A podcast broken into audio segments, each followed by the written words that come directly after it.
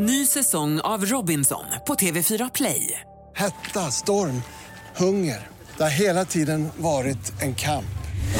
Nu är det blod och tårar. Fan händer just nu. Det. är Detta är inte okej. Robinson 2024, nu fucking kör vi!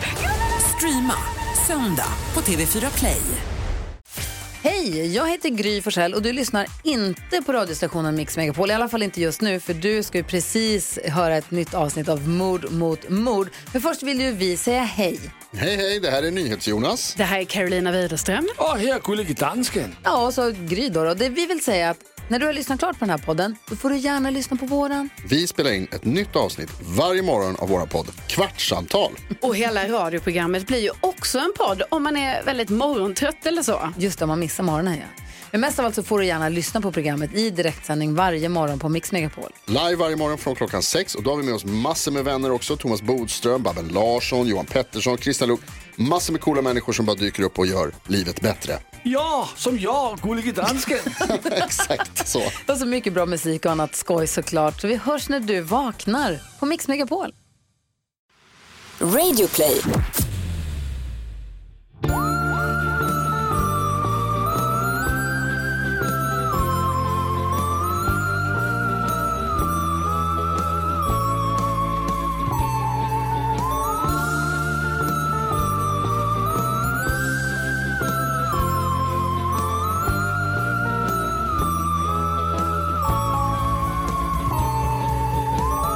Och välkomna till Mord mot mord.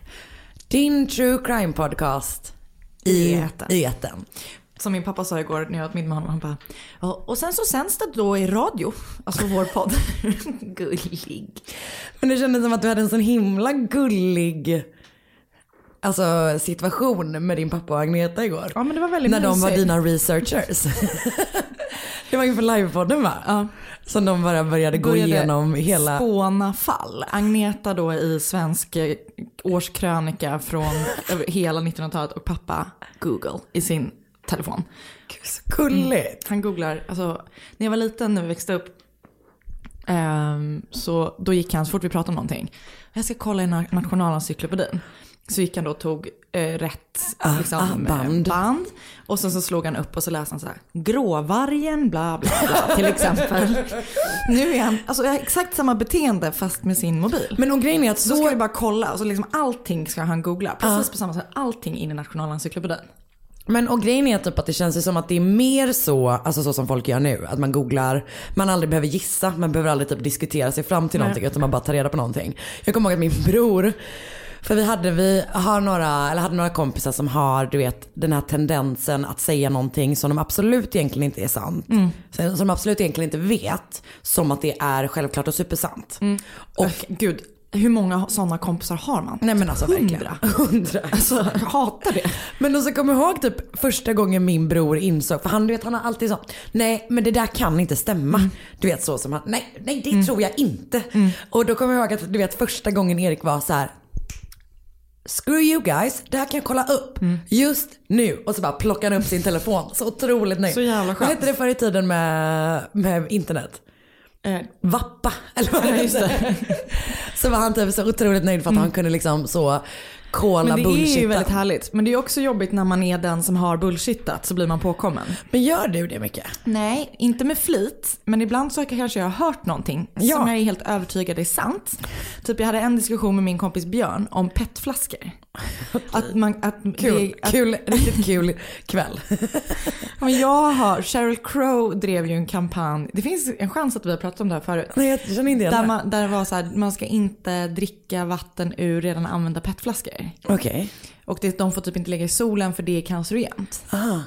Eh, och det var jag helt... Sheryl Crow. Din nationalencyklopedi. Verkligen. Och jag liksom bara... Du vet, hon, det? var, nej men hon var så på Oprah och pratade om det. Och du vet, så här. Det är ju nu typ 12 år sedan. Eh, och det här kanske var för två somrar sedan som jag och Björn hade den här diskussionen. Så, och det, sen vis, jag har då en lång utläggning om det här. För att han, han satt och drack vatten ur typ en så gammal Hon gjorde verkligen en, eh, ett intryck på dig. Eh, och då sa han det är inte sant. Så jag bara, jo det är visst sant. Och så hade jag en lång utläggning. Han bara, men jag har ju jobbat med, för han jobbar nej. liksom, de investerar i så olika liksom, företag typ. Då hade han jobbat just med någonting, med, med, med någon petfabrik. Nej. så då visste han. Så han bara, jag kan ta med mig en avhandling typ som du får läsa igenom, du har fel. Och då fick jag ju så googla snabbt och, och första googlingen var så här, det är en lögn. Ja, Så drick vatten, använda pet- petflaskor hur mycket ni vill. Ja, bättre än att köpa ny. Mycket bättre. Mycket bättre. För miljön. Eh, det här är lite grann som när vi förra veckan eh, st- tyckte att det var roligt att, att baseball skulle vara en stor sport i Japan. Tydligen superstort i Ja, Japan. var Men ju- också det kan jag också känna, ah, det bryr jag mig inte så mycket om att jag inte visste om. Nej, nej. Jag bryr mig otroligt lite om baseball någonstans. Men ändå härligt. Då var det någon som informerade om det. Jag har ju varit på baseballmatch en gång Var det kul? i New York. Jag fattade absolut Glorifierad ingenting. brännboll eller? Alltså, Det baserar jag bara på att man springer och, och skjuter slår. boll. Ja, men, Ja. Jag tror typ att... ehm, alltså jag vet inte. Ja, det, var skit, det var jättetrist i alla fall. Ja. Långt. Långt. Långt som fan. Vi gick typ innan matchen var klar. Men öl? Öl fick vi dricka Ja. och korv åt vi. Du vet ju vad jag känner för det. Du älskar korv. Öl och korv, två starka favoriter. Nej, men det var väldigt trist var det. Ja, men då ska vi inte gå på det när vi är kanske i om vi Japan. är i Tokyo. Så kanske vi Eller så gör vi något annat som vi vill göra istället. Typ äter mat. Ja. Inte gå egentligen på det. kattcafé. In, nej men det har jag ju redan gjort i Stockholm så vi behöver inte Det göra det. nej. Ugglekafé. Hur hade du det i Paris? Så bra. Vi sågs aldrig. Nej, vi, men tiden gick ju så fort. Men jag var så fascinerad över ert. Det kändes som att ni hade ett sånt hårt turistschema. Alltså ni var uppe så tidigt och var iväg och gjorde saker. Så mysigt ju. Det kändes som att ni var så duktiga. Men så gör jag typ alltid när jag är utomlands. Att jag så här, jag vill gå ut och äta frukost klockan nio. Just det, du sov ju heller inget. Nej. Nej. Och sen, men sen så, så vi var ute typ mellan nio och sex varje dag. Och sen sov vi typ en och en halv timme eller en timme och gjorde oss i ordning och sen så gick vi ut igen. Fan vilken bra, vilka bra naps ni hade däremellan. Det var så jävla skönt. Ah, vilken fest. Så det var, nej men det var jätte, jättemysigt. Det var verkligen eh, otroligt härligt. Gud vad bra. Härligt. Och ni också? Vi hade det också superbra. Vi är ju mer så eh, att en av oss går ut och köper frukost. För att det är typ något mysigt med att vara så här, du vet ute, man typ låtsas nästan som att man bor i en stad eller på en plats och så är man ute och köper frukost sen går man tillbaka. Också för att Marcus blir, du vet man är utbränd, blir så himla trött av sociala situationer och vi bodde själva. Så behöver man en lite så långsam start på dagen. Men ni bodde ju Airbnb också. Ja exakt. Så, och vi bodde ja, på ni hotell. hotell ja. mm. Ehm, Nej men det var fan kanon alltså. det var så härligt. Det var så jävla jävla härligt. Alltså Paris va, vilken stad. Otrolig. Stark spaning. Riktigt stark, Men den är ju verkligen, den är ju verkligen helt, ehm, helt otroligt Ja, mysigt. vi flyttar dit. Alltså det skulle jag verkligen, verkligen kunna tänka mig att göra. En sväng innan vi åker, innan vi, flyttar till Lund. Så tar vi Paris. Exakt, det blir skitbra. Det är svårt att ingen av oss pratar franska bara. Men kan inte, vem, vänta, vem av oss är mest likely att lära sig? Det är inte jag. Typ jag eller jag. Jag tänkte på Oscar. Jag tänkte också på Oscar men jag vill inte ge honom det. Men det är kanske mer likely att han lär sig det. Men jag tänker att Oscar han är är bra också- på att lära sig saker. Ja, och han är också så mycket mer ogenerad än vad jag är. Så att han skulle också våga så här, typ experimentera med att prata mycket. Ja. Alltså Marcus tror ju typ att han kan franska. För att han typ var på tre stycken språkresor. Men han kan barn. säkert lite. För det som jag gjorde nu, för jag har ju varit väldigt mycket i Frankrike med min bästis Lovisa. Mm. Och hon är jätteduktig på franska. Och där har hon alltid, i början var hon alltid såhär, nu får du testa själv liksom. För att hon ville så pusha mig. Inget gör mig mer stressad. Nej. Nej tack, jag vill absolut inte Och framförallt när hon är så duktig så att man bara eh, ska beställa exakt samma sak fast på lite sämre franska bara. vet Men eh, nu, nu kände jag att eftersom Oskar inte pratar någon franska, eller lite grann, så passade jag på liksom och, och sådär, fråga hur mycket kostar den här taxin och lite sådana där små saker. Beställde på franska. Men Anna, men det är skitbra. Då kan ju du, du och Oscar kan prata. Det är nog bättre. Marcus, nej jag tror inte på honom. Jag tror på honom. Jag tror minst på dig. Ja, ah, gud ja, tusen procent. Men jag kan ju inte lära mig språk. Alltså det är omöjligt för mig. Jag, är inte Det lär, tror jag, jag. kommer inte ihåg någonting. Så att, nej, ingenting av det. Det var mysigt skulle det vara om vi alla fyra gick på en och samma så kvällskurs. Så att vi så här, efter vi hade liksom gjort det vi gjorde på dagarna så var vi så en och en halv timme på franska kurs och sen kunde vi gå ut och äta middag och ha så här härligt. Alltså det låter ju kanon. Eller hur? Ja.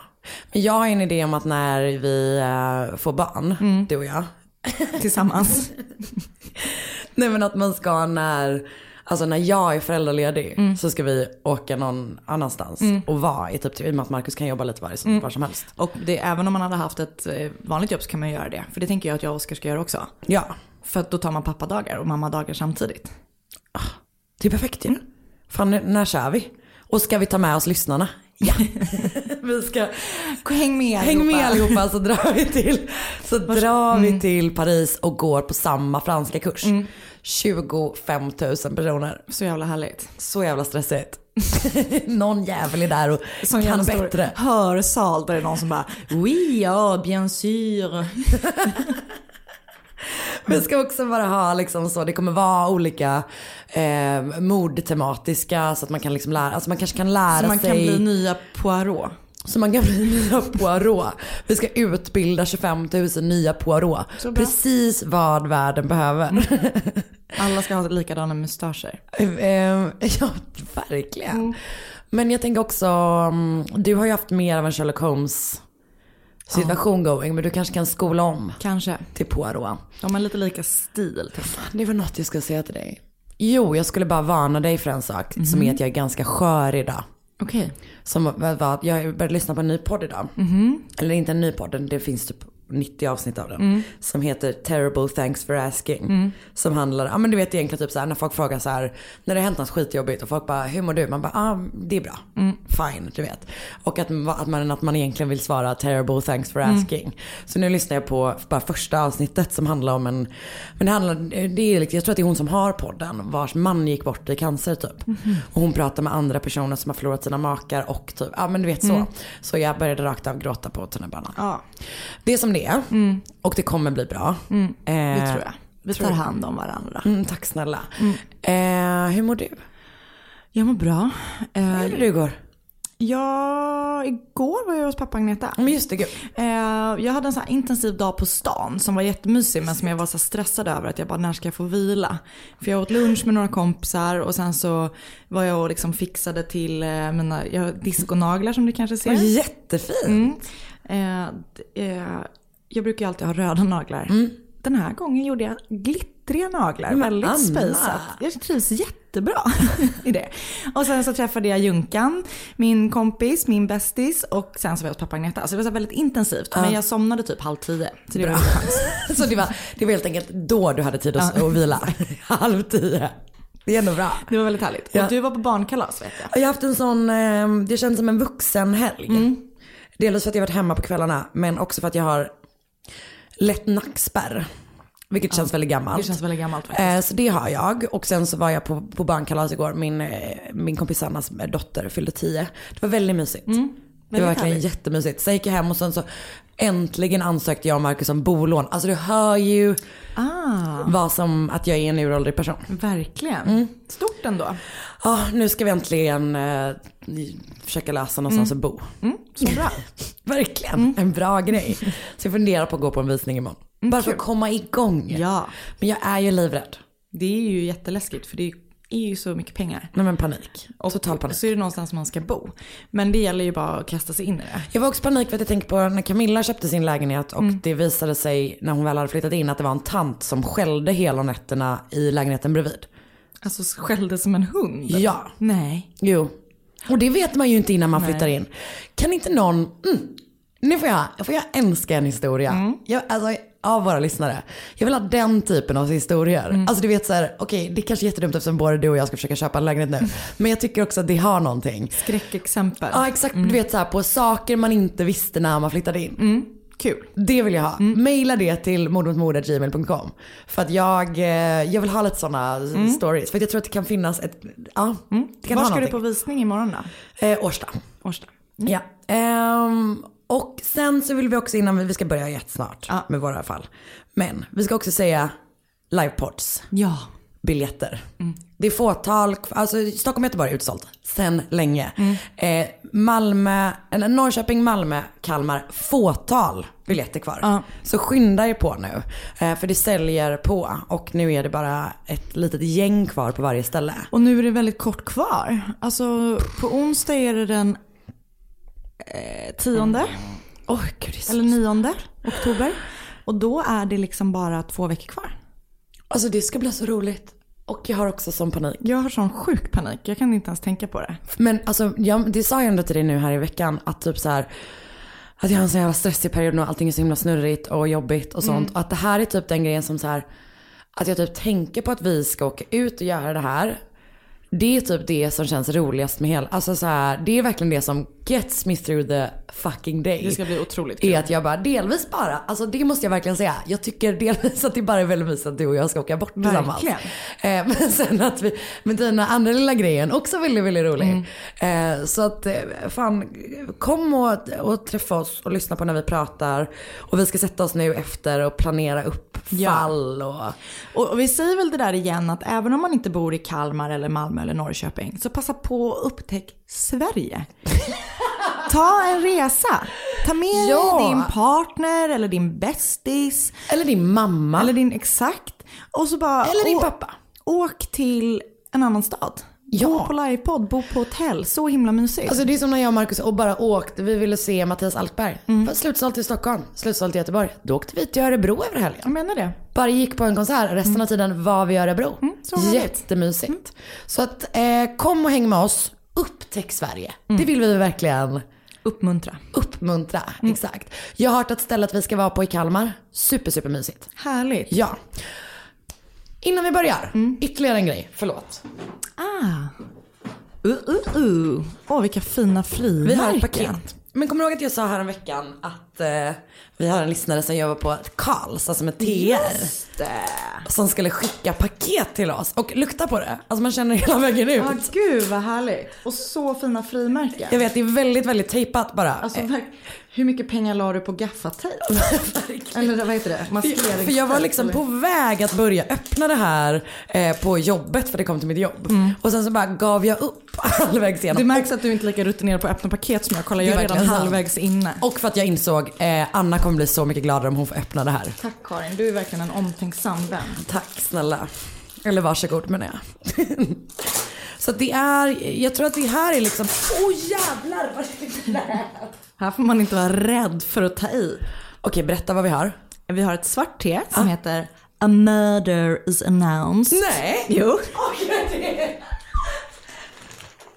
Det, är mordtema. Här har vi ett rooibos-te. Murder on the Orient Express. Det här är det finaste. Så härligt. Sen har vi ett grönt te som heter Psycho Lemon. Alltså. Och sen så är det Umeå special. Hon är från Umeå. Ah, gud vad härligt! Alltså. Och sen så är det fina praliner. Åh wow! Och ett brev. Har vi fått ett brev med? Men, nej men, nej men, nej men, nej men. De har skrivit så här. Hallå Anna och Karin. Tack för den bästa podden men också era sköna personligheter som får en på bra humör. Nej nej Tack snälla. nej men. Gulle. Men, haha, här kommer en god plot twist. Jag heter egentligen My. Ingrid är mitt mellannamn som jag älskar. Som jag ofta använder My då, snabbt, då My snabbt blir ett problem internationellt. Oh my, my oh my. Ah men det är för att jag sa Ingrid när jag eh, eh, tackade i ah, podden. Japp, japp. Eh, till det höstmysiga. Två teer jag har bytt namn på för att passa lite bättre och för att jag är inne på, in, i en Agatha Christie-period. Skickar också med praliner. Den vita smakar, smakar mojito och den andra smakar sm- strawberry daiquiri. Så gott skriver hon och det säger jag också. Så gott. Alltså pralinerna. Pralina, ja. Ska, vi, ska vi bara säga så här? Hoppas ni hittar någon favorit. Ni är så välkomna hit på live. På live och äventyr. Kram från Norrland. Tack! Ja, men vi, alltså Umeå står ju definitivt på Absolut. vår drömlista. Tack snälla, Tack det var snälla otroligt- My, underbara du. Fantastiskt. Ja, fan du vet, du vet hur dåliga mina, dåliga mina stämband är. Jag tror att det här är det som kommer ta Absolut. mig genom livepodd-turnén. Absolut. Bra. Utan mjölk. Utan mjölk med honung. Superbra. Härligt. Eh, nu pratar vi om mord. Ny säsong av Robinson på TV4 Play. Hetta, storm, hunger. Det har hela tiden varit en kamp. Nu är det blod och tårar. Fan händer just nu. Det. är Detta är inte okej. Robinson 2024, nu fucking kör vi! Streama söndag på TV4 Play. Ett poddtips från Podplay. I podden Något Kaiko garanterar östgötarna Brutti och jag, Davva, dig en stor dos skratt. Där följer jag pladask för köttätandet igen. Man är lite som en jävla vampyr. Man har fått lite blodsmak och då måste man ha mer. Udda spaningar, fängslande anekdoter och en och annan arg rant. Jag måste ha mitt kaffe på morgonen för annars är jag ingen trevlig människa. Då är du ingen trevlig människa, punkt. Något Kaiko, hör du på Podplay. Därför är gardinerna.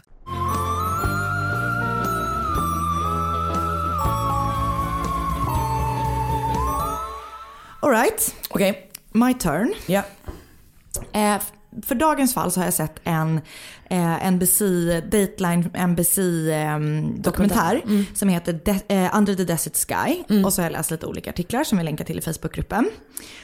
Så nu börjar jag.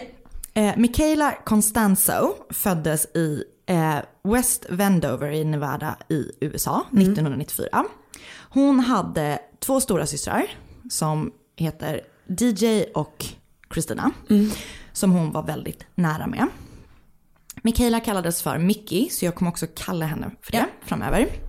Och Mickey var eh, duktig, bra i skolan, hon eh, liksom hade bra betyg, hon var väldigt aktiv inom olika sorters sport. Eh, hon hade mycket kompisar och var en väldigt så här, söt tjej. Hon beskrivs liksom, ja, bland annat av sina systrar som så här, hon var perfekt om man tänker sig så, liksom rent hur en tonårstjej ska vara. Ehm, hon beskrivs av sin mamma och alla övriga i familjen som att hon föddes med ett leenvis, eh, leende. Men att hon var så en väldigt envis tjej som så här gav sig fan på att uppnå saker. Du vet. Hon var så här en go-getter. Hon var ju då väldigt aktiv i skolan, eller liksom hon trivdes i skolan och, och gjorde mycket sådana after school activities. Och varje dag efter skolan så brukade hon få skjuts hem av sin äldsta syster Kristina. Men den 3 mars 2011 så var Kristina bortrest med sin pojkvän. De hade åkt till Las Vegas för över typ, ja, de skulle dit i alla fall. Ja. Och Mickey skulle då gå hem på egen hand, vilket ju inte känns konstigt, hon är 16 år. Ja, men hon brukade liksom inte göra det. Nej, det var bara inte en del av hennes vardagliga rutin. Exakt. Jag fattar. Så hon ska i alla fall gå hem själv, typ första gången någonsin verkar det som. Och eh, hon kommer inte hem. Eh, till sån här, det är så jävla hemskt när de inte kommer hem. Mm. Och Mickey var eh, alltid vanligtvis väldigt noga med att höra av sig och skickade alltid så sms med så uppdateringar eller typ bara så här för att liksom checka in med sin mamma typ att så här nu är träningen slut eller jag går och gör det här med mina kompisar eller så. Så hon var alltid väldigt noga med det och eftersom hon inte gjorde det den här eftermiddagen så blev mamma så här väldigt fundersam när hon inte gjorde det. Och mamma försökte ringa men hon svarade inte och du vet sådär. Det här är varför man ska ha konstant kontakt med folk. För att Verkligen. man kommer så snabbt märka att någonting är fel. Verkligen. Hur snabbt hade du märkt att något var fel med mig? Så jag brukar ju tro att när du inte har svarat på en timma så tänker jag att det har hänt Gud, en någonting. timma, lång tid. Jag vet. Men du brukar ju, men typ som igår, då så hade du inte varit aktiv på Facebook i fem timmar när jag skrev till dig. När var, var det på kvällen? Ja. Hade jag legat och sovit tror du? Nej, det var när du var på kalas. Men det var, jag hade fullt fokus på barnen. Ehm, så mamman försöker först få tag i liksom, den här syrran som är bortrest bara för liksom så här, har du hört någonting? Och hon är bara så här, nej men hon är säkert bara liksom, träningen kanske dragit ut på tiden eller det har säkert inte hänt någonting. Och ehm, den mellansystern som var närmst i ålder då med, med Mickey, för hon var då yngst, eh, som hette DJ, med den här mellansystern. Hon och Mickey var liksom väldigt nära både åldersmässigt men också socialt. Så att hon blev också så här, men vad konstigt att hon inte svarar ens när jag typ hör av mig. Så hon blir typ lite lack du vet först, du vet som man kan bli innan man hinner bli orolig. Så bara, men vad fan svarar du inte Så för? som du är med mig efter tio minuter. Exakt. Eh, så eh, DJ, systern då som är hemma i staden eh, och mamman börjar ringa runt till Mickis kompisar för att höra om någon vet var hon är men det är ingen som är, vet det liksom. Och så småningom ringer mamman eh, polisen som också är direkt börjar liksom Leta. re- leta. För den polisen som var ansvarig för det, eller liksom som fick in det, var att säga, har sagt så här i den här dokumentären där han intervjuat sen så här, bara, det är aldrig någon idé att vänta. För att liksom, ju snabbare man börjar desto lättare är det att Exakt. komma igång. Vad är det de Vilket- typ 24 första timmarna är så extremt Exakt. viktiga. Och det gjorde mig så glad. För det känns ofta som att man bara, nej men hon är bara en tonåring typ. Verkligen. En sån 16-årig tjej bara, hon är hos sin kille. Ni vet Exakt. bara inte om att hon har en kille. Men också den grejen som är så man bara, eh, just att man inte lyssnar på de na, alltså anhöriga. Man bara antagligen så normalt. vet du. Ja. Nej exakt. Ah, gud. Men så den här gången så sätter de i alla fall igång med en gång. Så skönt. Och Ehm, även då polisen som eh, tog, började ta kontakt med alla kompisar, precis så som mamman hade gjort. Men de liksom grottar lite mer. Men de får, eller ingen vet någonting förutom att alla säger att de har sett Mickey senaste gången typ vid fem-tiden. När hon då lämnade skolan, eller i skolan. Så att alla sett henne runt fem vid skolan. Och polisen börjar också ganska direkt kolla hennes telefonlister.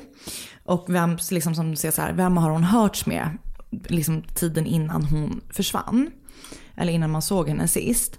Och där är det framförallt ett nummer som hon har hörts med så här jättemycket under Mm. dagen. Typ pratat i telefon, smsat så här. Man kan ju inte se smsen i telefonlistor. Men liksom de ser att man har tät kontakt. Och den slutade då klockan fem också. Den här sms-kontakten eller telefonkontakten. Eh, och polisen då tar in folk på förhör eller du vet så pratar med hennes kompisar och bland annat då hennes pojkvän Javier som också var 16 år gammal. Och han är typ bara så här, när de bara, vad märkte du något konstigt med henne på senaste tiden? Eller du vet, någonting sånt. Och han bara nej, allting var som vanligt, allting var som vanligt mellan oss. Det var inget konstigt alls. Och verkligen så här weird tycker han. De plockar också in en god vän till Mickey som är en kille som heter Cody Patton. Och eh, de har varit vänner så här väldigt länge. Han är två år äldre. Eh, men de har alltid varit kompisar. Eh, och han hade det så här kämpigt både med att klara skolan eh, och hemma med sina föräldrar. Så han hade fått chansen att flytta in med sin fästmö. Alltså han är då 18 och är förlovad med en tjej som heter Tony Fratton, Fratto. Ehm, och Tony Fratto då, bara flickvännen, bara för att prata om henne lite kort också. Hon, hennes familj var mormoner. Och hon hade då sett det som sitt uppdrag typ att hjälpa rädda Cody. honom. Ja. Mm, fattar. Och alltid, han- alltid en bra grund för en relation. Verkligen. och eh, Cody hade också konverterat till eh, mormonkyrkan eller vad man säger. När han blev ihop med henne. Ja, och i alla fall. Eh, Cody var den här killen som hon hade smsat med precis innan hon försvann. Så att det är Ah. väl därför de liksom plockar upp in honom ganska snabbt. Och han säger i förhör då så här, nej men eh, jag, jag såg Mickey i skolan typ vid halv sex och då var hon med sin pojkvän eh, Javier. Eh, och så kommer de liksom inte så mycket längre än så. Det, de bara, ja, hittar inte henne, de fortsätter typ så här leta, typ systran kör runt med bilen och du vet så här, mamman typ sitter hemma och bara väntar på att så här, de är så här, du måste vara hemma, om, om hon kommer hem så måste du vara hemma. Medan alla liksom, ja, är ute i staden och så här. Men så småningom så, eller polisen anordnar då ganska direkt eh, skallgångskedjor som ska då genomsöka området som ligger runt staden. Vilket är bara öken, för att det är i Nevada. Så det är så här hur mycket öken som helst. Eh, och Tony dyker inte upp.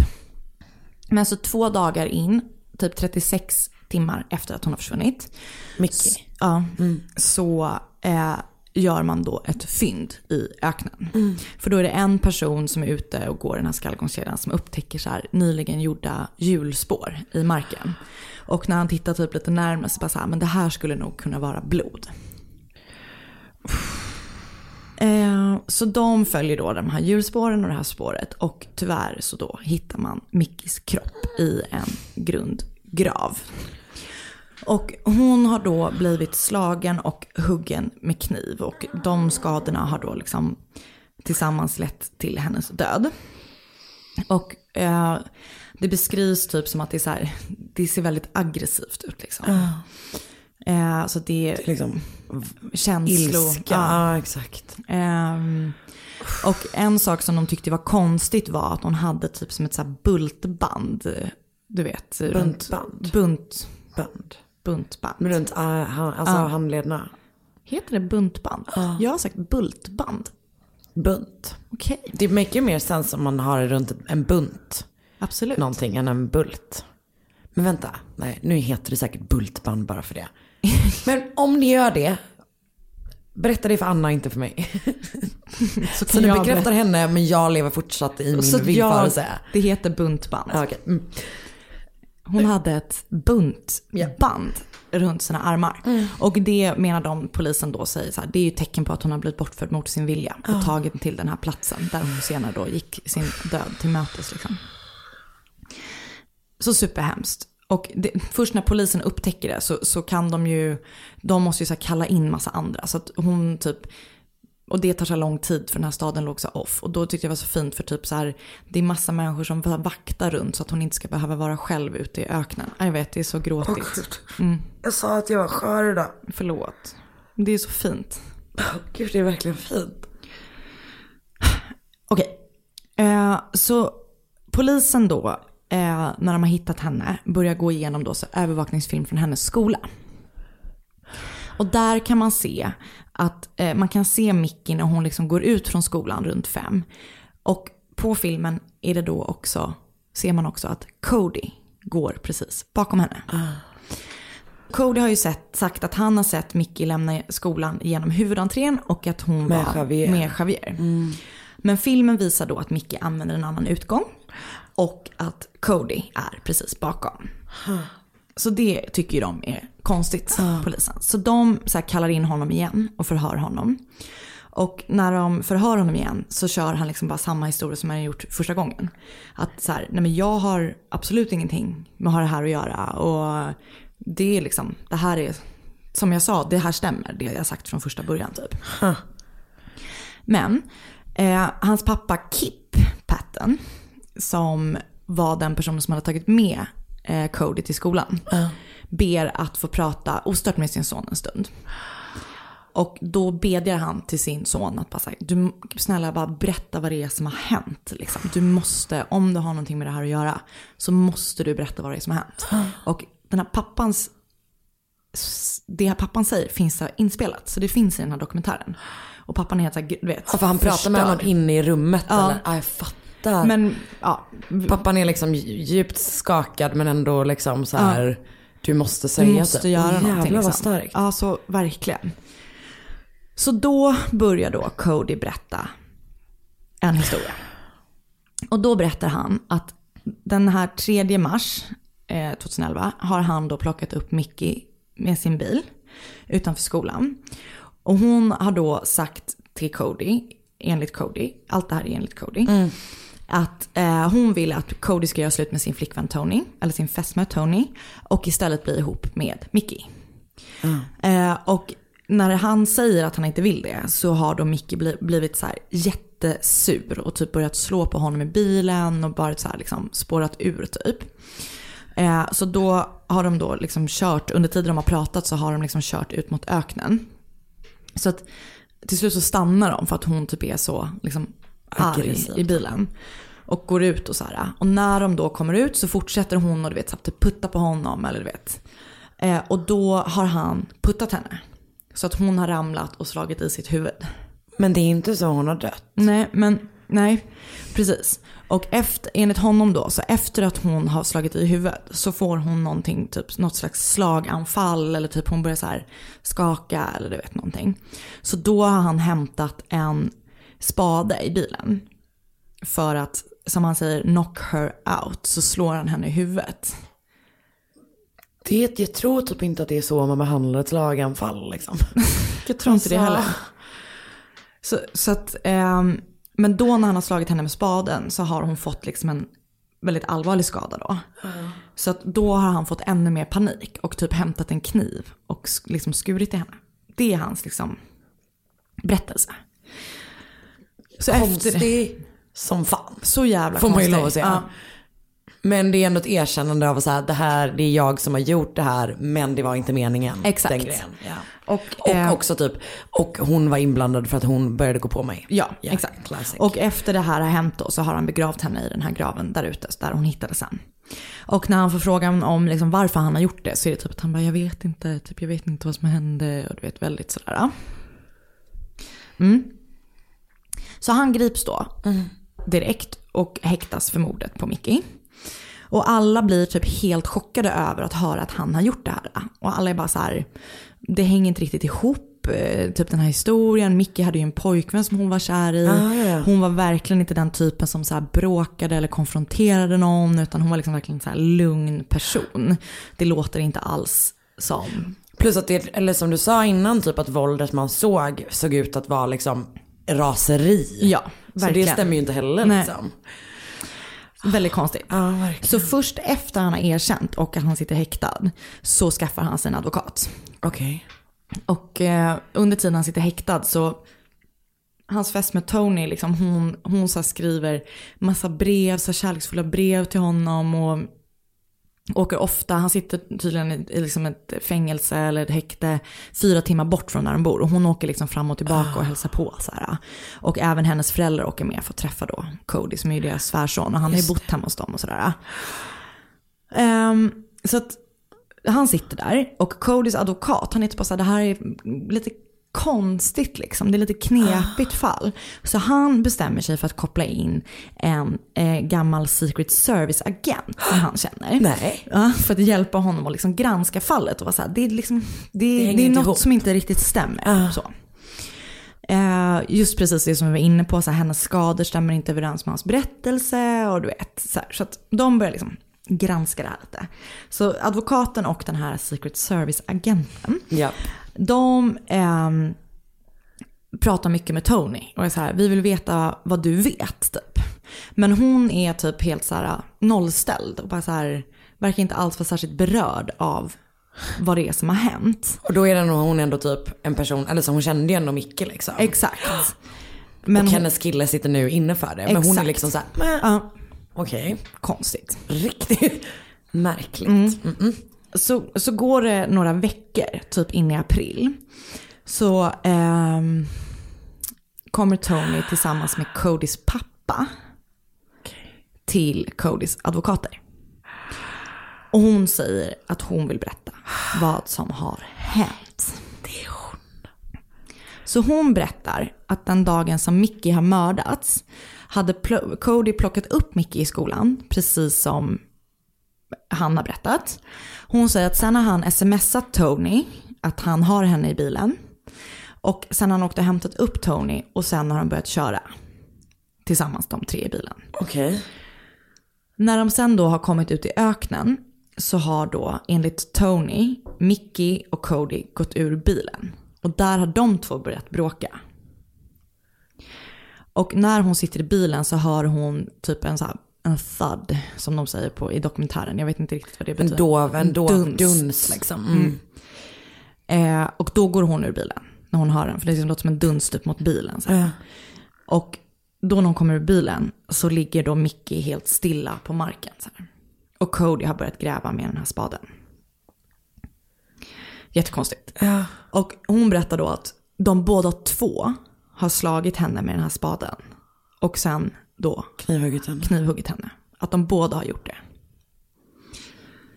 Och varför hon erkänner det är typ så väldigt konstigt. För att det är ingen som har varit misstänkt mot henne egentligen. Det finns inga bevis som knyter henne dit. Det finns liksom ingenting. Och han har redan erkänt och sagt att han var ensam.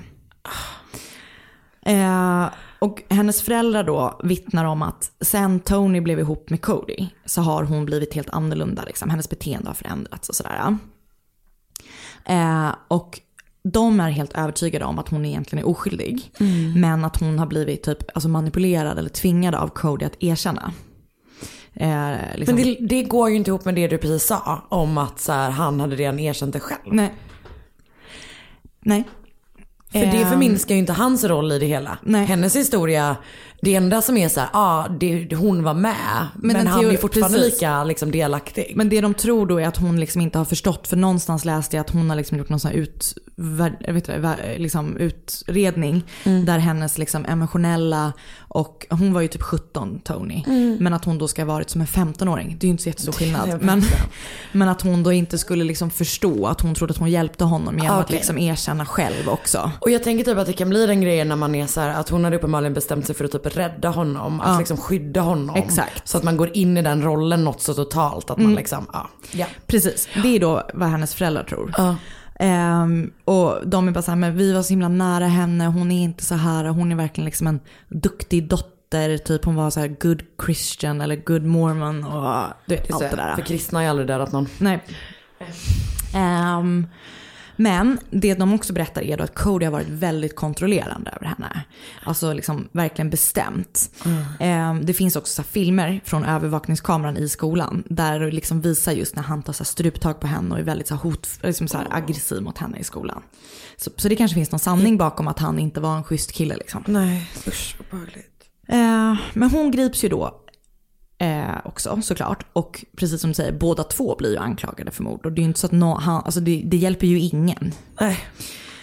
Eh, och de ställs då eh, båda två inför rätta, som vad jag förstår i separata rättegångar.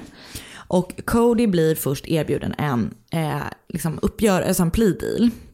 Eh, där ehm, han, liksom om han e- erkänner så blir han, eller om han vittnar mot Tony, så eh, blir han dömd till fängelse med chans till frigivning. Och så slipper han då dödsstraffet som hade varit aktuellt innan. Och han tackar ju först ja till att vittna mot henne. Okej. Och då börjar han berätta så här att det som hade hänt var att Tony och Mickey var osams. Tony hade varit super, super, super avundsjuk på Mickey. Och de hade så här tjafsat jättemycket med varandra. Och, var- och hon hade tydligen också sagt så här, um, du vet typ kallat Mickey för slut. Och du vet varit väldigt så här uh, taskig du vet, Ja. mot henne. Verkligen hatat den här Mickey. Och då hade Cody typ lagt sig i och bara kan inte ni bara liksom, liksom göra upp det här. Kul. Och jag bara kör er ut i öknen. Det är exakt så. De har alltså bestämt, enligt honom då, att de, att de har bestämt att de ska typ åka ut och slåss för att typ göra upp om det här. Oh Ehm, men Panik. När han har berättat då så här, de har, de har plockat, han har plockat upp Mickey och Tony och sen ska de åka och slåss. När han har berättat det, då kommer hans advokat och bara så här, hallå, vad gör du typ? Så då stoppar han sig, han ångrar sig, han vill inte vittna mot Tony och berättar liksom inte mer. Och sen så säger han att han vill gå vidare i rättegången utan att göra liksom, någon deal. Mm. Jättekonstigt. Så, så Tony blir istället erbjuden en plea deal. Just det. Eh, där eh, hon ska vittna mot Cody. Och där ska hon då erkänna sig skyldig till dråp istället för mord. Och då får hon eh, chans, alltså då kommer hon ju bli dömd typ till livstid men med chans till frigivning efter 18 år. Ja. Och, eh, så hon då vittnar mot Cody. Och då ändras historien igen lite. För då menar hon att ehm, Cody hade blivit så här mer och mer irriterad på Mickey den senaste tiden. Att han typ var så här, bara, gud jag kan typ inte ens höra hennes röst, jag blir så jävla irriterad på henne. Så den dagen som den 3 mars då, där Mickey blev mördad, har han då plockat upp Mickey, smsat Tony, Tony hoppat in i bilen och när han hoppar in i bilen så ligger Mickey typ då bultbandad i bakluck- baksätet. Men gud just det, hon hade ju buntband. Jag, jag, kan, jag kommer aldrig kunna lära mig att ställa lugnt, du buntband. behöver inte det. Du är en Alla vet vuxen person, menar. prata som du vill. Men jag hade helt glömt bort det. Ja. Det stämmer ju heller inte överens med någonting av det de berättat innan. Nej. Okej, mm. men då är det här är hennes nya historia. Det här är hennes nya Ja. Och sen så när de då har kommit ut till vad hon också kallar ibland för designated area. Fast hon menar att det bara är slumpmässigt. Men när de är då i öknen. Så har han skickat ett sms till Tony i bilen. Fast de Okej. sitter bredvid varandra. Där han har skrivit så här, vi måste döda henne. Och eh, han ska då sen ha liksom börjat gräva en grav och sen dragit ur Mickey ur bilen. Och där har han då tvingat Tony att slå henne med den här spaden. Okej, så där har det gått över till det. Mm, Ja. Efter. Och sen har han då, hon säger att hon inte hade något val. Att hon bara agerat på hans liksom, instruktioner. Ehm, och att Cody var den som då hade mördat henne. Hon hade typ hjälpt att hålla fast henne. Men det är han som har mördat henne. Och efter de har mördat henne då så har de begravt henne. Sen har de åkt till McDonalds. Och sen så har de åkt över eh, gränsen till Utah. Där de har bränt hennes grejer. Så det är då den nya historien. Den låter ju, förutom att det verkar vara konstigt vad motivet är. Ja. Får man ju lov att säga. Och, det, och precis, för i Tonys dagbok så har hon då skrivit massa saker. Hon är liksom sjukt osäker på att Cody verkligen vill ha henne. Han, hon är typ helt övertygad om att han typ vill ha Mickey. Hon skriver typ saker som så här. Eh, ah, han är, hon är rädd för att han ska lämna henne för Mickey. Och så har hon skrivit typ så här, det är kanske är lika bra att vi bara gör slut så att han får vara med henne. Och typ de kommer vara mycket lyckligare utan mig. Alltså du vet hon verkar vara väldigt så här, ah, ja. Hon är jätteosäker. Hon är jätteosäker. Hon är osäker på det här sättet som man är när man är typ 17 år gammal och i Mm. typ en dålig relation. Ja, verkligen. Och även i många, alltså i Mm. de flesta relationer i den åldern. Så är Verkligen. man ju sådär Mm. super... Liksom. Jättenojig. Exakt. Eh, Men, också bara Mickey har ju kille. Exakt. Nej det är ju helt irrationellt. Gud, ja, och det Men- har heller ingenting, alltså det har liksom ingenting med henne att göra. Nej. Puh, det är så, Så det skulle ju då kunna vara liksom ett bevis för att Tony faktiskt har mer motiv. Ja.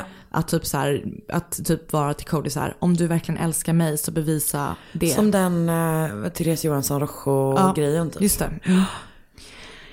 Men Tony har ju redan tagit sin plea deal. Så det blir liksom ingenting mer. Alltså du vet så här, ja. Det, och det verkar ju då, det finns, sak, det, finns, det finns saker som talar för det ena och det finns saker som talar för det andra. Och det enda man vet är ju att båda har ju varit involverade på något vis. Och hon är, liksom, och hon är tyvärr död. Men man vet ju inte vem som egentligen har gjort någonting, man vet inte vilken historia som är sann. Och precis som du säger, man vet inte riktigt vad motivet är. Och det där är liksom, alltså inte för att det är, men just den där grejen. Tänk att liksom familjen inte heller får typ så här varför Nej. svaret. Och sen är ju det svaret oavsett vad det är inte tillräckligt Nej, förstås. För att det finns inget varför som är liksom väger tungt nog för att döda någon. Men ändå, alltså det är Nej, liksom... men det är ju fruktansvärt. Och ehm, eh, Cody bestämmer sig för att erkänna sig skyldig för att slippa dödsstraffet. Så han blir dömd ehm, till livstidsfängelse utan chans till frigivning. Och han sitter ju då fortfarande i fängelse Ah. såklart. Och 2018 så gifte han sig med en kvinna som heter Amanda. Som har skrivit massa brev till honom och så här. Och de får inte ses för det här fängelset där han sitter, de har inga sådana. Så hög risk. eh, Ja, de har inga sådana där liksom mötestillfällen som...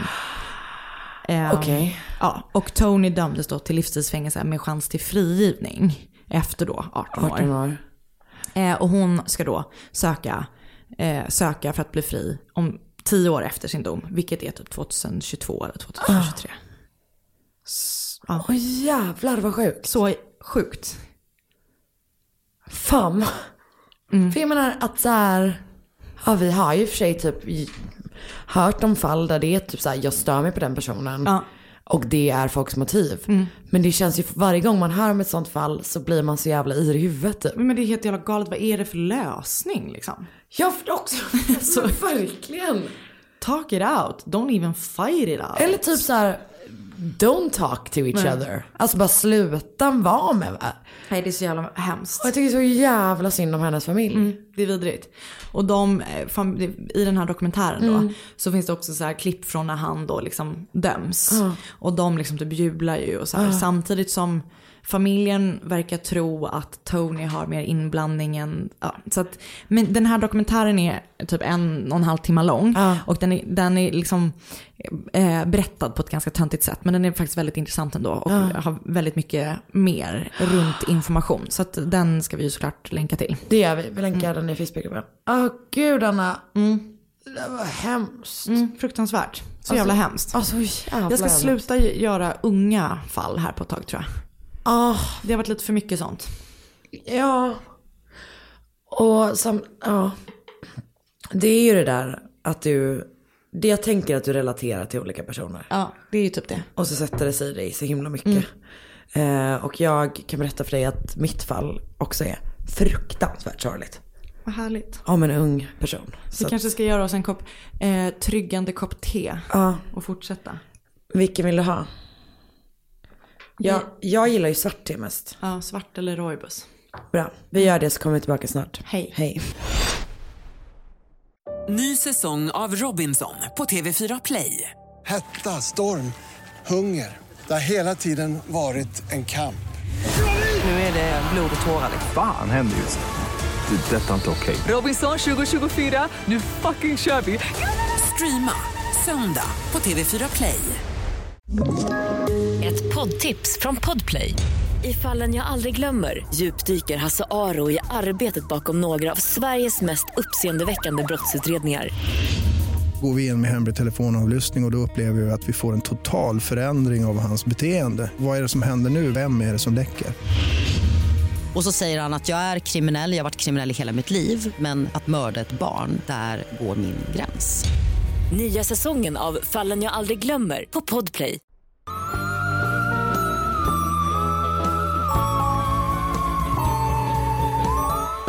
Köra min nu i dubbelhastighet tänker jag. Jag lyssnade ju under en period på poddar i, på 1,5 hastighet. Nej, gjorde du det? För att jag inte... ehm, för att jag inte visste det. Jag bara tyckte de pratade så sjukt fort. Kul. Glad jag blev. Okej. ehm, nu ska jag göra ett fall som är jättehemskt och helt sjukt på många olika sätt. Och det mesta uh, infon har jag fått från en dokumentär, alltså en Channel 5 dokumentär, brittiska Channel 5. Men jag vill inte säga vad den heter för den är slutet. Okej. För att, ja du fattar. Det är spoiler. Ja, exakt. Det förklarar liksom hela fallet på ett sätt som förstör säg- min säg det uppbyggnad. bara. Nej, jag vill inte. Jag kommer säga det sen. Eh, men, och jag kommer också förstås lägga det i vår eh, Facebookgrupp. Och sen så är det också typ så här, du vet, Telegraph, BBC, Guardian, alltså bara Mm. helt vanliga nyhetsartiklar. Så i september 2017 så störs den idylliska Londonförorten Southfields av tjock rök. Eh, Den kommer liksom från en, så här, en trädgård liksom Mm. till, ett, eh, till ett hus där. Och det här området är liksom väldigt välmående. Eh, Det ligger precis vid Wimbledon. Mm. Alltså om jag förstått det rätt så när, man ska ta tunnelbanan till Wimbledon så går man av Southfields. Liksom. Om man inte åker limousin dit. Exakt, vilket man ju gör. Men så det, är- det är så här, folk har, har, bra, liksom, har Mm. det bra ställt där. Men inte bara det utan så här, av de som bor där så beskrivs det också som att det är så här, vi är som en liten by typ. Och i den här dokumentären så är det typ också grannar som uttalar sig som man känner lite grann så här, man bara, ni är såna jävla skvaller Mm. Jag tror att man har koll på varandra. Ja, de har såna där eh, skvallerspeglar på fönstren. Ja men typ att det är så att de bara, ah du vet vi var ju på rättegången. Man bara, va? Var ni på Alltså du vet verkligen, ja lite så. De håller koll på varandra. Men som sagt då, den här septemberdagen eh, för två år sedan. Sa jag det? September 2017, ja. Då undrar liksom folk så här, vad är det som händer här? Och eh, en anledning är att det... Då börjar folk rasta sina hundar så, så här mycket Men typ, utanför. nej, alltså det är typ någon som de bara, ah, han kikade in lite grann och såg någon stå och lägga lite pinne. Alltså du vet, Mm. verkligen så typ. Ehm, men och delvis då så är folk också oroliga för att de tycker att den är liksom, att elden är för nära huset och typ altanen. Mhm. Så de är rädda att det ska börja brinna i huset helt enkelt. Eh, så de tycker det känns konstigt. Liksom från många olika, han som har hand om the news agent liksom Mm. är så här, det här är konstigt och typ grannar, Mm. alla liksom engagerar sig. Till slut är det någon då som ringer brandkåren. Och inne, när brandkåren kommer då så, så här, träffar de på en man när de går in. Och han bara, nej men vi bränner lite så här grejer ute på baksidan och vi grillar kyckling. Så att de har liksom en brasa going och de har en grill going där de grillar kyckling. Och han bara, det är, inga, liksom, det är, ingen, det är ingen stor grej. Mm. Eh, Men när de går ut på så baksidan då så får de liksom inte riktigt samma känsla av att allting är cool direkt. Eh, för Alltså den känns liksom inte så himla säker. Nej. Men inte det de reagerar på. Utan det de reagerar på är att i den här elden så får en av brandmännen syn på vad de tycker är en människohand. Nej. Och han bara till sin kollega så här, "V- ser du vad jag ser? Kollegan liksom bekräftar honom. Och när mannen då börjar märka så att de ifrågasätter vad som händer i den Han här bara, ah, det där är min mannekängdocka. Nej, han säger så här. Han bara, ja om ni ser något i brasan så här, vi köpte ett, ett helt får. Så vi håller på att elda upp det, det som blir kvar. Okej. Man bara, eh, va? Absolut. Märkligt liksom Mm. svar. Brandmännen är liksom inte superövertygade utan så polisen kommer dit och så här snart ser typ de här nyfikna grannarna liksom hur så här brottsplatsundersökare, du vet sådana hela vita Mm. overaller kommer dit liksom börjar undersöka. Och efter ett tag så ser man också den här mannen ledas ut i handfängsel. Och ett, ytterligare ett par timmar senare så rullas liksom någon ut på en bår täckt av ett liksom rött alltså så här, tyg liksom. Och då börjar man... Otippat att det är rött eller? Vad sa du? Otippat att det var rött. Ja, jag vet. Men det är verkligen det. För att jag har sett bilder på det. Det, det är liksom inte, det tyg kanske är fel ord. Men du vet sån Som liksom. skynke typ. Ja, ja men lite Presenning. så. Det ser, vet du, det ser ut lite grann som att det är samma material som typ kanske en sån hockeytrunk. Alltså lite så stiff. Nylon. Ja, Mm. Men rött är det i alla Mm. fall. Ehm, och man börjar, då börjar ju så här, grannarna bara, vem kan det här vara? Börjar liksom spekulera eh, kring vem det här offret kan vara. Men, och grejen är att de gissar ju typ, de gissar rätt typ direkt. Mhm. Men det kommer ta en vecka innan man kan identifiera offret eftersom eh, hon är så himla liksom illa Mm. bränd. Mm. Eh, och personen då som man har hittat i den här trädgården är 21-åriga eh, Sophie Lyonnais. Lyonnais. Mhm. Nu kommer min franska igen. Och hon har då eh, jobbat som nanny i det här huset. Så att jag tänker att jag börjar med att berätta vem Sofie var. Mm. Och sen så kommer vi fram till vad som hände. Kör. Så Sofie växte då upp i den franska byn Paron. Mm. Som Fint, jättebra. Eh, det ligger ett par timmar söder om Paris. Eh, eller typ så som de säger i den här brittiska dokumentären, Paron. Eh, hon bor med sin mamma och hennes man men hon har också, jag tror att hon har en halvbror som är yngre än henne och en stora syster så att det, liksom, det finns Mm. lite syskon sådär. Hon är supersnäll, liksom väldigt vänlig och så här väluppfostrad. Också extremt blyg, alltså jätte, jätteblyg. Alltså hennes familj, du vet, pratar om att så här, bara, vi pratade inte så mycket, typ. man var typ tvungen att dra orden ur henne. Alltså även liksom inta, alltså inne i familjen så var hon jätte Ah, okej. tillbakadragen typ. Hon pluggar eh, pedagogik för små barn i skolan eller på college eller motsvarigheten Mm. i, i Frankrike. Eh, och hon älskar verkligen barn, så här, barn tyr sig till henne. Hon har liksom jättestark relation till barn. Men hon har väldigt svårt att få jobb inom det, det liksom yrket eh, i den här lilla byn eller i sitt närområde. Så det är en kompis till henne som är så här, okej här är en annons där de söker en fransktalande nanny i eller en nanny till en fransktalande familj men i London. Ah, okej. Och hon är liksom så här, hon är intresserad. Men egentligen så är inte det här någonting hon vill göra. Eh, hon har liksom ingen, du vet så som vissa kan vara, typ såhär, jag vill jobba utomlands. Alltså ingenting så. Nej. Hon har aldrig tidigare lämnat Frankrike. Okej. Ehm, utan det som hon typ ser som positivt med den här liksom setupen är då delvis att hon så här, då kanske jag kan komma tillbaka till min hemort och vara så här, jag har den här erfarenheten på mitt CV.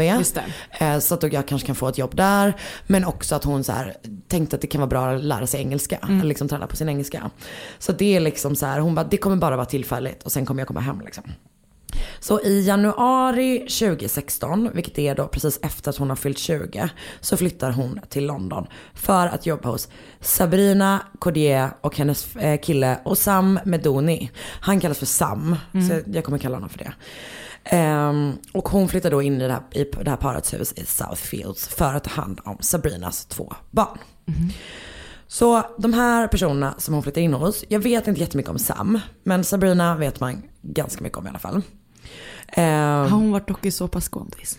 Alltså, nej det har hon inte. Men det finns en liksom populärkulturell koppling som är, alltså it's, it's weird. Och spelar en, en central roll i hela fallet. Jag ska bara eh, ta ut min te. Jag smakade, det var jättegott. Ja, nice. Det är det svarta teet va? Mm. A murder has been announced. Mm. Mm. Mm. Asgott. Mm. Jag dricker det med mjölk och Karin dricker det med, bara honung. Mm. Ja. Okej. Sabrina eh, Cordier. Hon, eh, när, när Sofie flyttar in hos henne så är hon typ så här tidiga 30-årsåldern. Jag tror att hon kanske är 32, 34, något, något Ja. åt det hållet typ. Hon kommer också från Frankrike men från, jag vet inte hur man säger det här, om det stavas som Troyes. T-R-O-Y-E-S. Skitsamma. T-R. Troy? Tror jag kanske. Jag vet Det är nordöstra Frankrike i alla fall. Ja, jag har ingen aning. Nej, bra. Eh, hon beskrivs som liksom, alltså väldigt glamorös. Mm. Jag kände det på hennes namn bara. Alltså jag ska visa dig bilden. Hon det är var liksom... antingen Sabrina tonårshäxan eller så var det Sabrina Piffi Piff. Kul att du pratar om Sabrina eh, tonårshäxan för att det kommer finnas en väldigt lös koppling som kanske inte är supertydlig när jag tänker efter men till bara häxa snart. Okej. Ehm, det var jättekonstigt att jag sa så, skitsamma. Hon är som sagt superglamorös. Alla i området bara, oh vad är det här för spännande glamorös person. Hon jobbar då som stylist och liksom fashion designer. Okej. Och hon har också då haft en relation med Mark Walton. Okej. Det är alltså personen, en av två medlemmar som grundade Boyzone. Nej. Och det är så sjukt. Han var bara med i Boyzone ett år, för efter ett år blev han sparkad från bandet han själv grundade. Och typ insåg det i tidningsartiklar när de hade typ, när de hade gud, bilder på. Boyzone med hans typ så namn, eller hans ansikte utkryssat. Eh, Det verkar ha varit lite stört. Eh, Men han repade sig för att han ehm, startade senare ett annat sånt liksom popband men det kanske var två tjejer, två killar som hette Fifth Avenue. Ja, kommer ihåg. Eh, och det här var också min otroliga lösa, lösa koppling till Sabrina the Teenage Witch. För att han också jobbade med Bewitched. Åh, alltså älskade Bewitched, jag hade deras album. Jag tror att han var, hade en relation med typ, för det var ett syskonpar Ja. med, till de, deras stora syster eller någonting. Okej. Så han jobbade med Be- Bewitched då. Och, Oh. exakt. Ha, ha, ha, ha. Hey now. Salami. Otroligt bra. Alltså så sjukt bra. Och minns också videon, vad glad den var. Alltså, Ah, den var så glad. Eh, så glad irländsk pop. Underbart. alltså jag älskade sån musik. Alltså. Steps, Ah. eh, S- SK7. brittisk, ja gud ja. Alltså tusen procent. Ja. Okej, kul.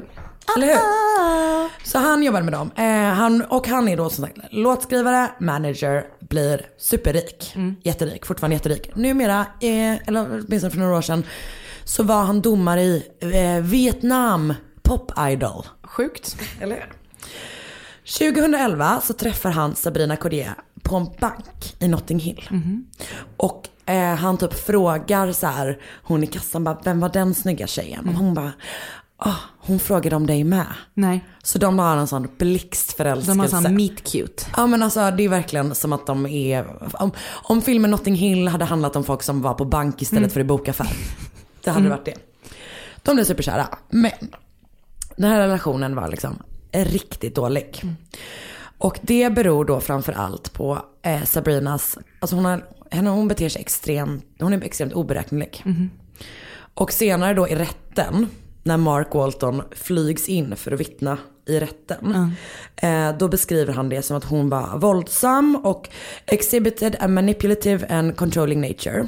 Hon var kalkylerande och kunde gå, gå från att vara helt lugn till att vara rasande över väldigt så små saker bara på, på en sekund liksom. Och de bodde tillsammans i två år. Alltså så först var de tillsammans ett tag och sen så flyttade de ihop. Så bodde de tillsammans i två år. Jag tror att hon lämnar honom 2014. Men han har också liksom så betalat hennes hyra och han har betalat för nannies eh, till hennes barn. För hon hade barn sedan innan då eller? Exakt. Och jag, det verkar som att hennes man var i Frankrike. Så att hon har liksom flyttat till London och Okej. tagit med sig barnen.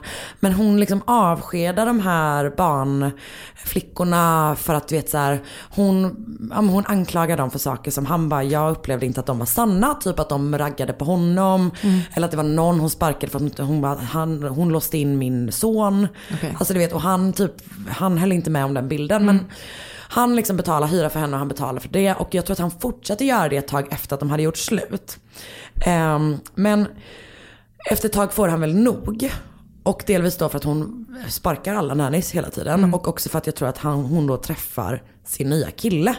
Eh, och Sim Medoni som är lite äldre. Eh, jag tror att han kanske är fem år äldre än henne. Då bestämmer sig Mark Walton för så här, nu ska jag nog inte betala mer. Typ. Och då bryter liksom, alltså helvetet ut. Sabrina och Sam ringer liksom polisen och försöker anmäla honom, alltså Mar- Mark, om och om igen. Alltså de anmäler honom typ 30 gånger. För olika saker. Bland annat för att han ska varit pedofil. Vid ett annat, vid ett annat tillfälle så anklagar hon honom för att ha haft sex med en katt. Men gud. Alltså de kör vad som helst liksom. Vad sjukt. De, Och eh, att den här Sam är med på det. Ja, japp. Alltså han bara kastas rakt in i den här galenskapen. Mm. För det man säger är att det är hon som är den liksom dominanta Mm. i relationen. Men han är med på allting. Mm. Eh, de så här försöker skaffa besöksförbud. Alltså du vet det är liksom. Hon ringer hans mamma. Alltså hon ringer Marks mamma.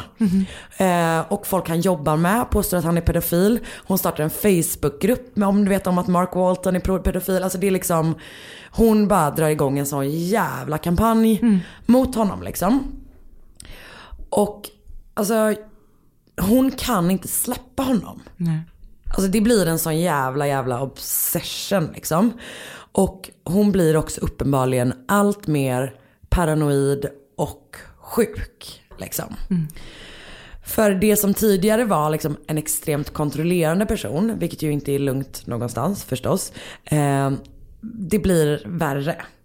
För hon tror liksom att Mark typ kontroller, kontrollerar henne. Delvis genom typ så svart magi. Men också du vet att han så här, hon tror att han spionerar på henne. Att han har hyrt in en, en helikopter som cirkulerar över deras hus för att typ hålla koll Men på gud. henne. Alltså du vet det liksom blir värre och värre och värre. Och som sagt Sam dras ju in i det här liksom. Och han kommer senare också erkänna, och det erkänner båda två, att de liksom tillsammans spred de här Mm. grejerna om Mm. Mark liksom. Så i det här flyttar då stackars 21-åriga Sophie.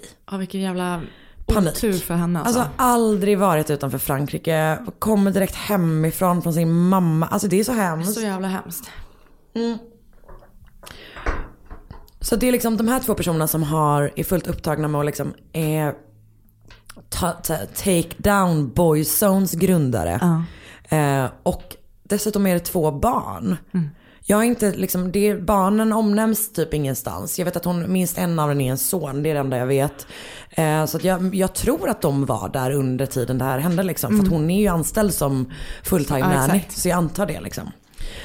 Eh, och också jag har inte läst någonstans att det fanns åtalspunkter mot Sabrina och Sam som rörde barnen. Liksom. Utan, eh, ja så. Eh, Sofie flyttade då som sagt in i januari 2016. Sa jag det innan? Jag vet inte. Nu sa jag det i alla fall. Eh, och i det här området då, där man har koll på folk, så ser man henne som så här men hon är jättelugn och väldigt tillbakadragen. Liksom. Hon får en kompis. Och det är en tjej som eh, vill gärna vill lära sig franska typ. Så, så Sofie är typ såhär, men jag kan hjälpa dig lite Mm. grann liksom. Så att de verkar vara, den- det verkar vara den enda personen de, de, hon hänger med liksom. Och med henne, för henne säger hon typ, till henne säger Sofie typ att hon bara, jag längtar efter att flytta tillbaka till Frankrike och typ jag vill börja plugga film. Alltså Mm. så liksom. Eh, hon pratar lite grann med en, eh, en man som äger typ den lokala restaurangen. Mhm. För att de är där med typ barnen och även själv och äter ibland liksom. Och han, men han säger i den här dokumentären då att han bara All, det är jättemycket nannies i det här området och mycket folk som då har flyttat dit för att Mm. jobba med, med barn liksom. Men att hon inte var med dem. Att han var så här, de umgicks jättemycket både med barnen men också själva på helgerna och så. Mm. Men hon var alltid själv. Eller så var men hon var nästan nästan, hon var nästan nästan alltid med barnen. Men om hon inte var det så var hon själv liksom. Mhm. Och folk är, tycker att hon är så mycket med de här barnen. Att folk är så här, men hon kan inte bara vara anställd utan hon måste vara typ en del av familjen. För att det liksom är som att hon aldrig är ledig typ. Jag fattar.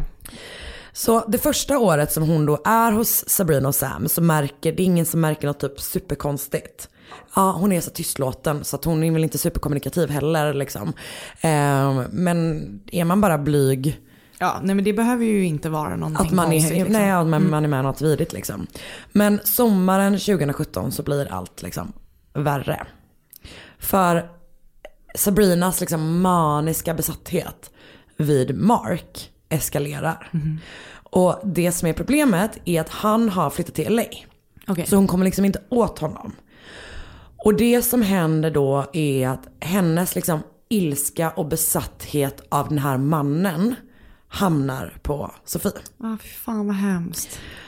Och Sabrina och Sam får då för sig att Sofie är liksom anställd av Mark för att spionera på dem. Att han har liksom planterat henne i deras hem. Att Sofie och Mark har en relation. Mhm. Och att han har planterat henne i deras hem för att spionera på dem liksom. Gud, vilka galningar. Ja, ja, nej, men de är ju liksom super, super sjuka Mm. uppenbarligen.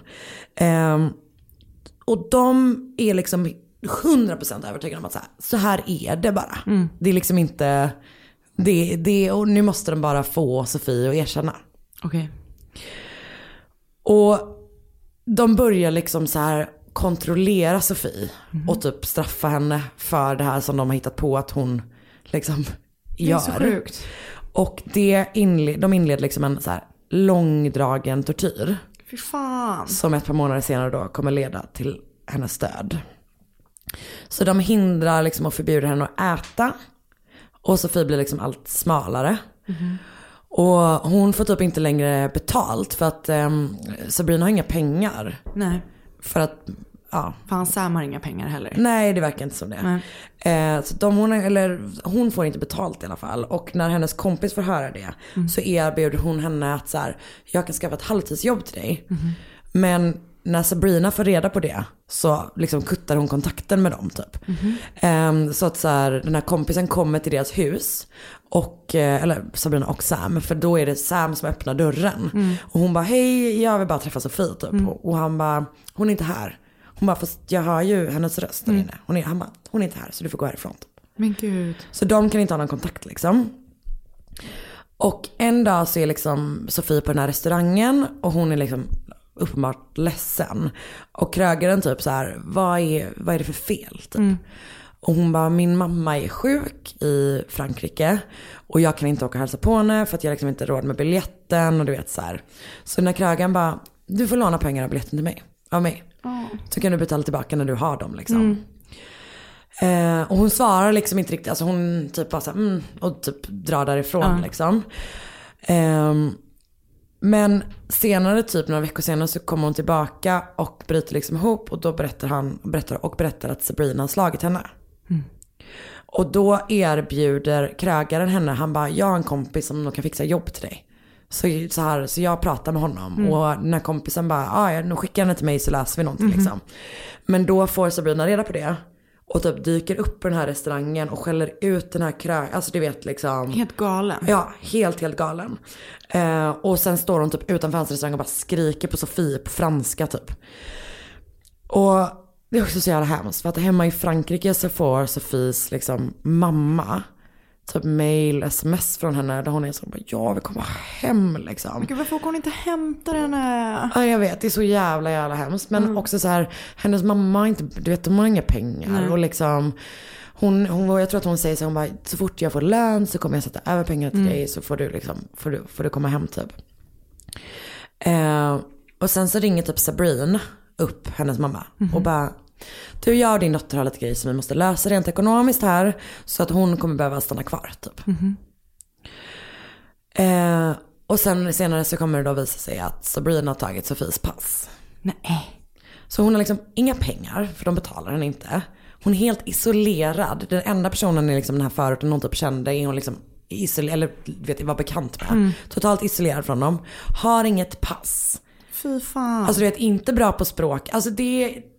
Ja, det är en sån klaustrofobisk eller panikkänsla verkligen. Eh, och som om det då inte var nog så hemma i det här huset där hon liksom bor och jobbar, alltså hon är där hela tiden. Mm. Så genomför Sam och Sabrina liksom tims långa förhör med henne. För att hon ska erkänna att hon konspirerar med, mot familjen tillsammans med Mark Walton. Alltså, och de spelar liksom in de här förhören på sina mobiler. Antagligen för att de vill ha hennes så här erkännande inspelat. Alltså jag tror att de är så sjuka liksom. Ehm, och de säger typ de så här, när du väl berättar vad som är sant, typ, du kommer få fängelse för det här, det är inte okej det du håller på med typ. Alltså de liksom hotar henne, ehm, att de ska typ polisanmäla henne. Mm. För, För vad då? Ja exakt. Men inte bara det utan de liksom slår henne, alltså du vet puttar omkull henne.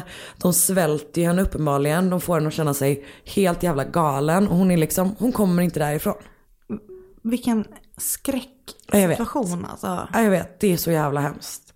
Det är ren, alltså ja. De börjar också ägna sig åt alltså waterboarding, vilket är typ är Nej. skendränkning liksom. Det är ju det är typ det läskigaste Ja, jag vet. Ja, och det gör de liksom, alltså i timmar för att få henne att erkänna det här liksom. Och i den, jag tror det är den sista, eller åtminstone en av de sista inspelningarna, så erkänner Sofie. Nej. Men för att hon är liksom... Ja, hon vill bara ha slut på det. Liksom. Ja. Ja men du vet som den grejen med falska erkännanden. Ja, ja, alltså- Man bara, nu bara, jag bara säger nu så kanske det Ja. tar slut liksom. Och uppenbarligen tar det ju slut. Mm. Men det tar ju slut för att de mördar henne liksom. Så efter att brandmännen då hittat Sofies kropp i brasan i trädgården i Southfield så grips både då Sabrina Cordier och eh, Osam Medoni. Och båda påstår att de sov när den andra mördade Sofie. Och eftersom det, kroppen är så himla illa tilltygad så är det liksom, alltså ja, för att de har Mm. försökt bränna upp henne. Eh, så det, går det inte att avgöra dödsorsaken. Nej. Men det man kan säga, eller det man kan se är att hon har utsatts för alltså, återkommande grovt våld Mm. under liksom lång tid. Och under rättegången som, liksom, som äger rum, det är sommaren förra året, 20, Mm. sommaren 2018. Så har, försvar, eller har åklagaren ett vittne som var med. Åtminstone, inte, jag vet inte om det var exakt samtidigt men att som i alla fall på något sätt visste att båda två hade varit inne i badrummet liksom. Det allra Okej. sista som hände. Vad kan det ha varit för vittne? Ja men jag tror att det var typ någon kompis till någon men det måste ju också varit en, alltså en jättesjuk person liksom. Ehm, och uppenbarligen så var ju både då Sabrina och Sam liksom sjuka. Mm. Och under rättegången så pratar man om så här folia dö, Mm. alltså den delade psykosgrejen Mm. liksom. Eh, men båda två döms till livstidsfängelse. Okej. Och måste sitta minst 30 år innan de har möjlighet till liksom, villkorlig Mm. frigivning. Och de sitter ju där liksom. Det, domen kom ju förra året så det är ganska, det är liksom nytt. Och den här historien är, men som, just det är sån jävla panik. Alltså det är sån jävla jävla panik och var, hon måste känt sig så otroligt ensam och varit så jävla utsatt liksom. Det är ju ens liksom skräck att bara så här åka utomlands för att göra någonting och att man är ensam. Ja, ja, ja. Eh, och sen Vilket så, hon inte ens ville från början. Exakt, och så bara hamnar man i Helvete. Eh, helvetet Ja. verkligen. Ja, jag vet. Ja, det är så jävla sorgligt. Och den 6 juni förra året så var eh, Sofie Leonés kropp tillbaka i, sin, i hennes hemby för hennes begravning. Och den här dokumentären som jag sett då heter Tortured to Death, Murdering the Nanny, vilket är ett, också ett vidrigt namn måste Mm. jag bara säga. Som sagt det är Channel, eh, Channel 5. Och i den så pratar typ hennes så här, mamma om hur liksom familjen har påverkats av det här. Förstås liksom Mm. och hur fruktansvärt det har varit. Och bland annat så berättar hon en grej som är så himla sorglig. Som är att Sofies åtta år gamla lillebror ville typ följa med henne till London för att han sa att han ville berätta för dem hur det här inte bara hade liksom förstört Sofie. Utan att det också hade, hade krossat hans hjärta. Nej.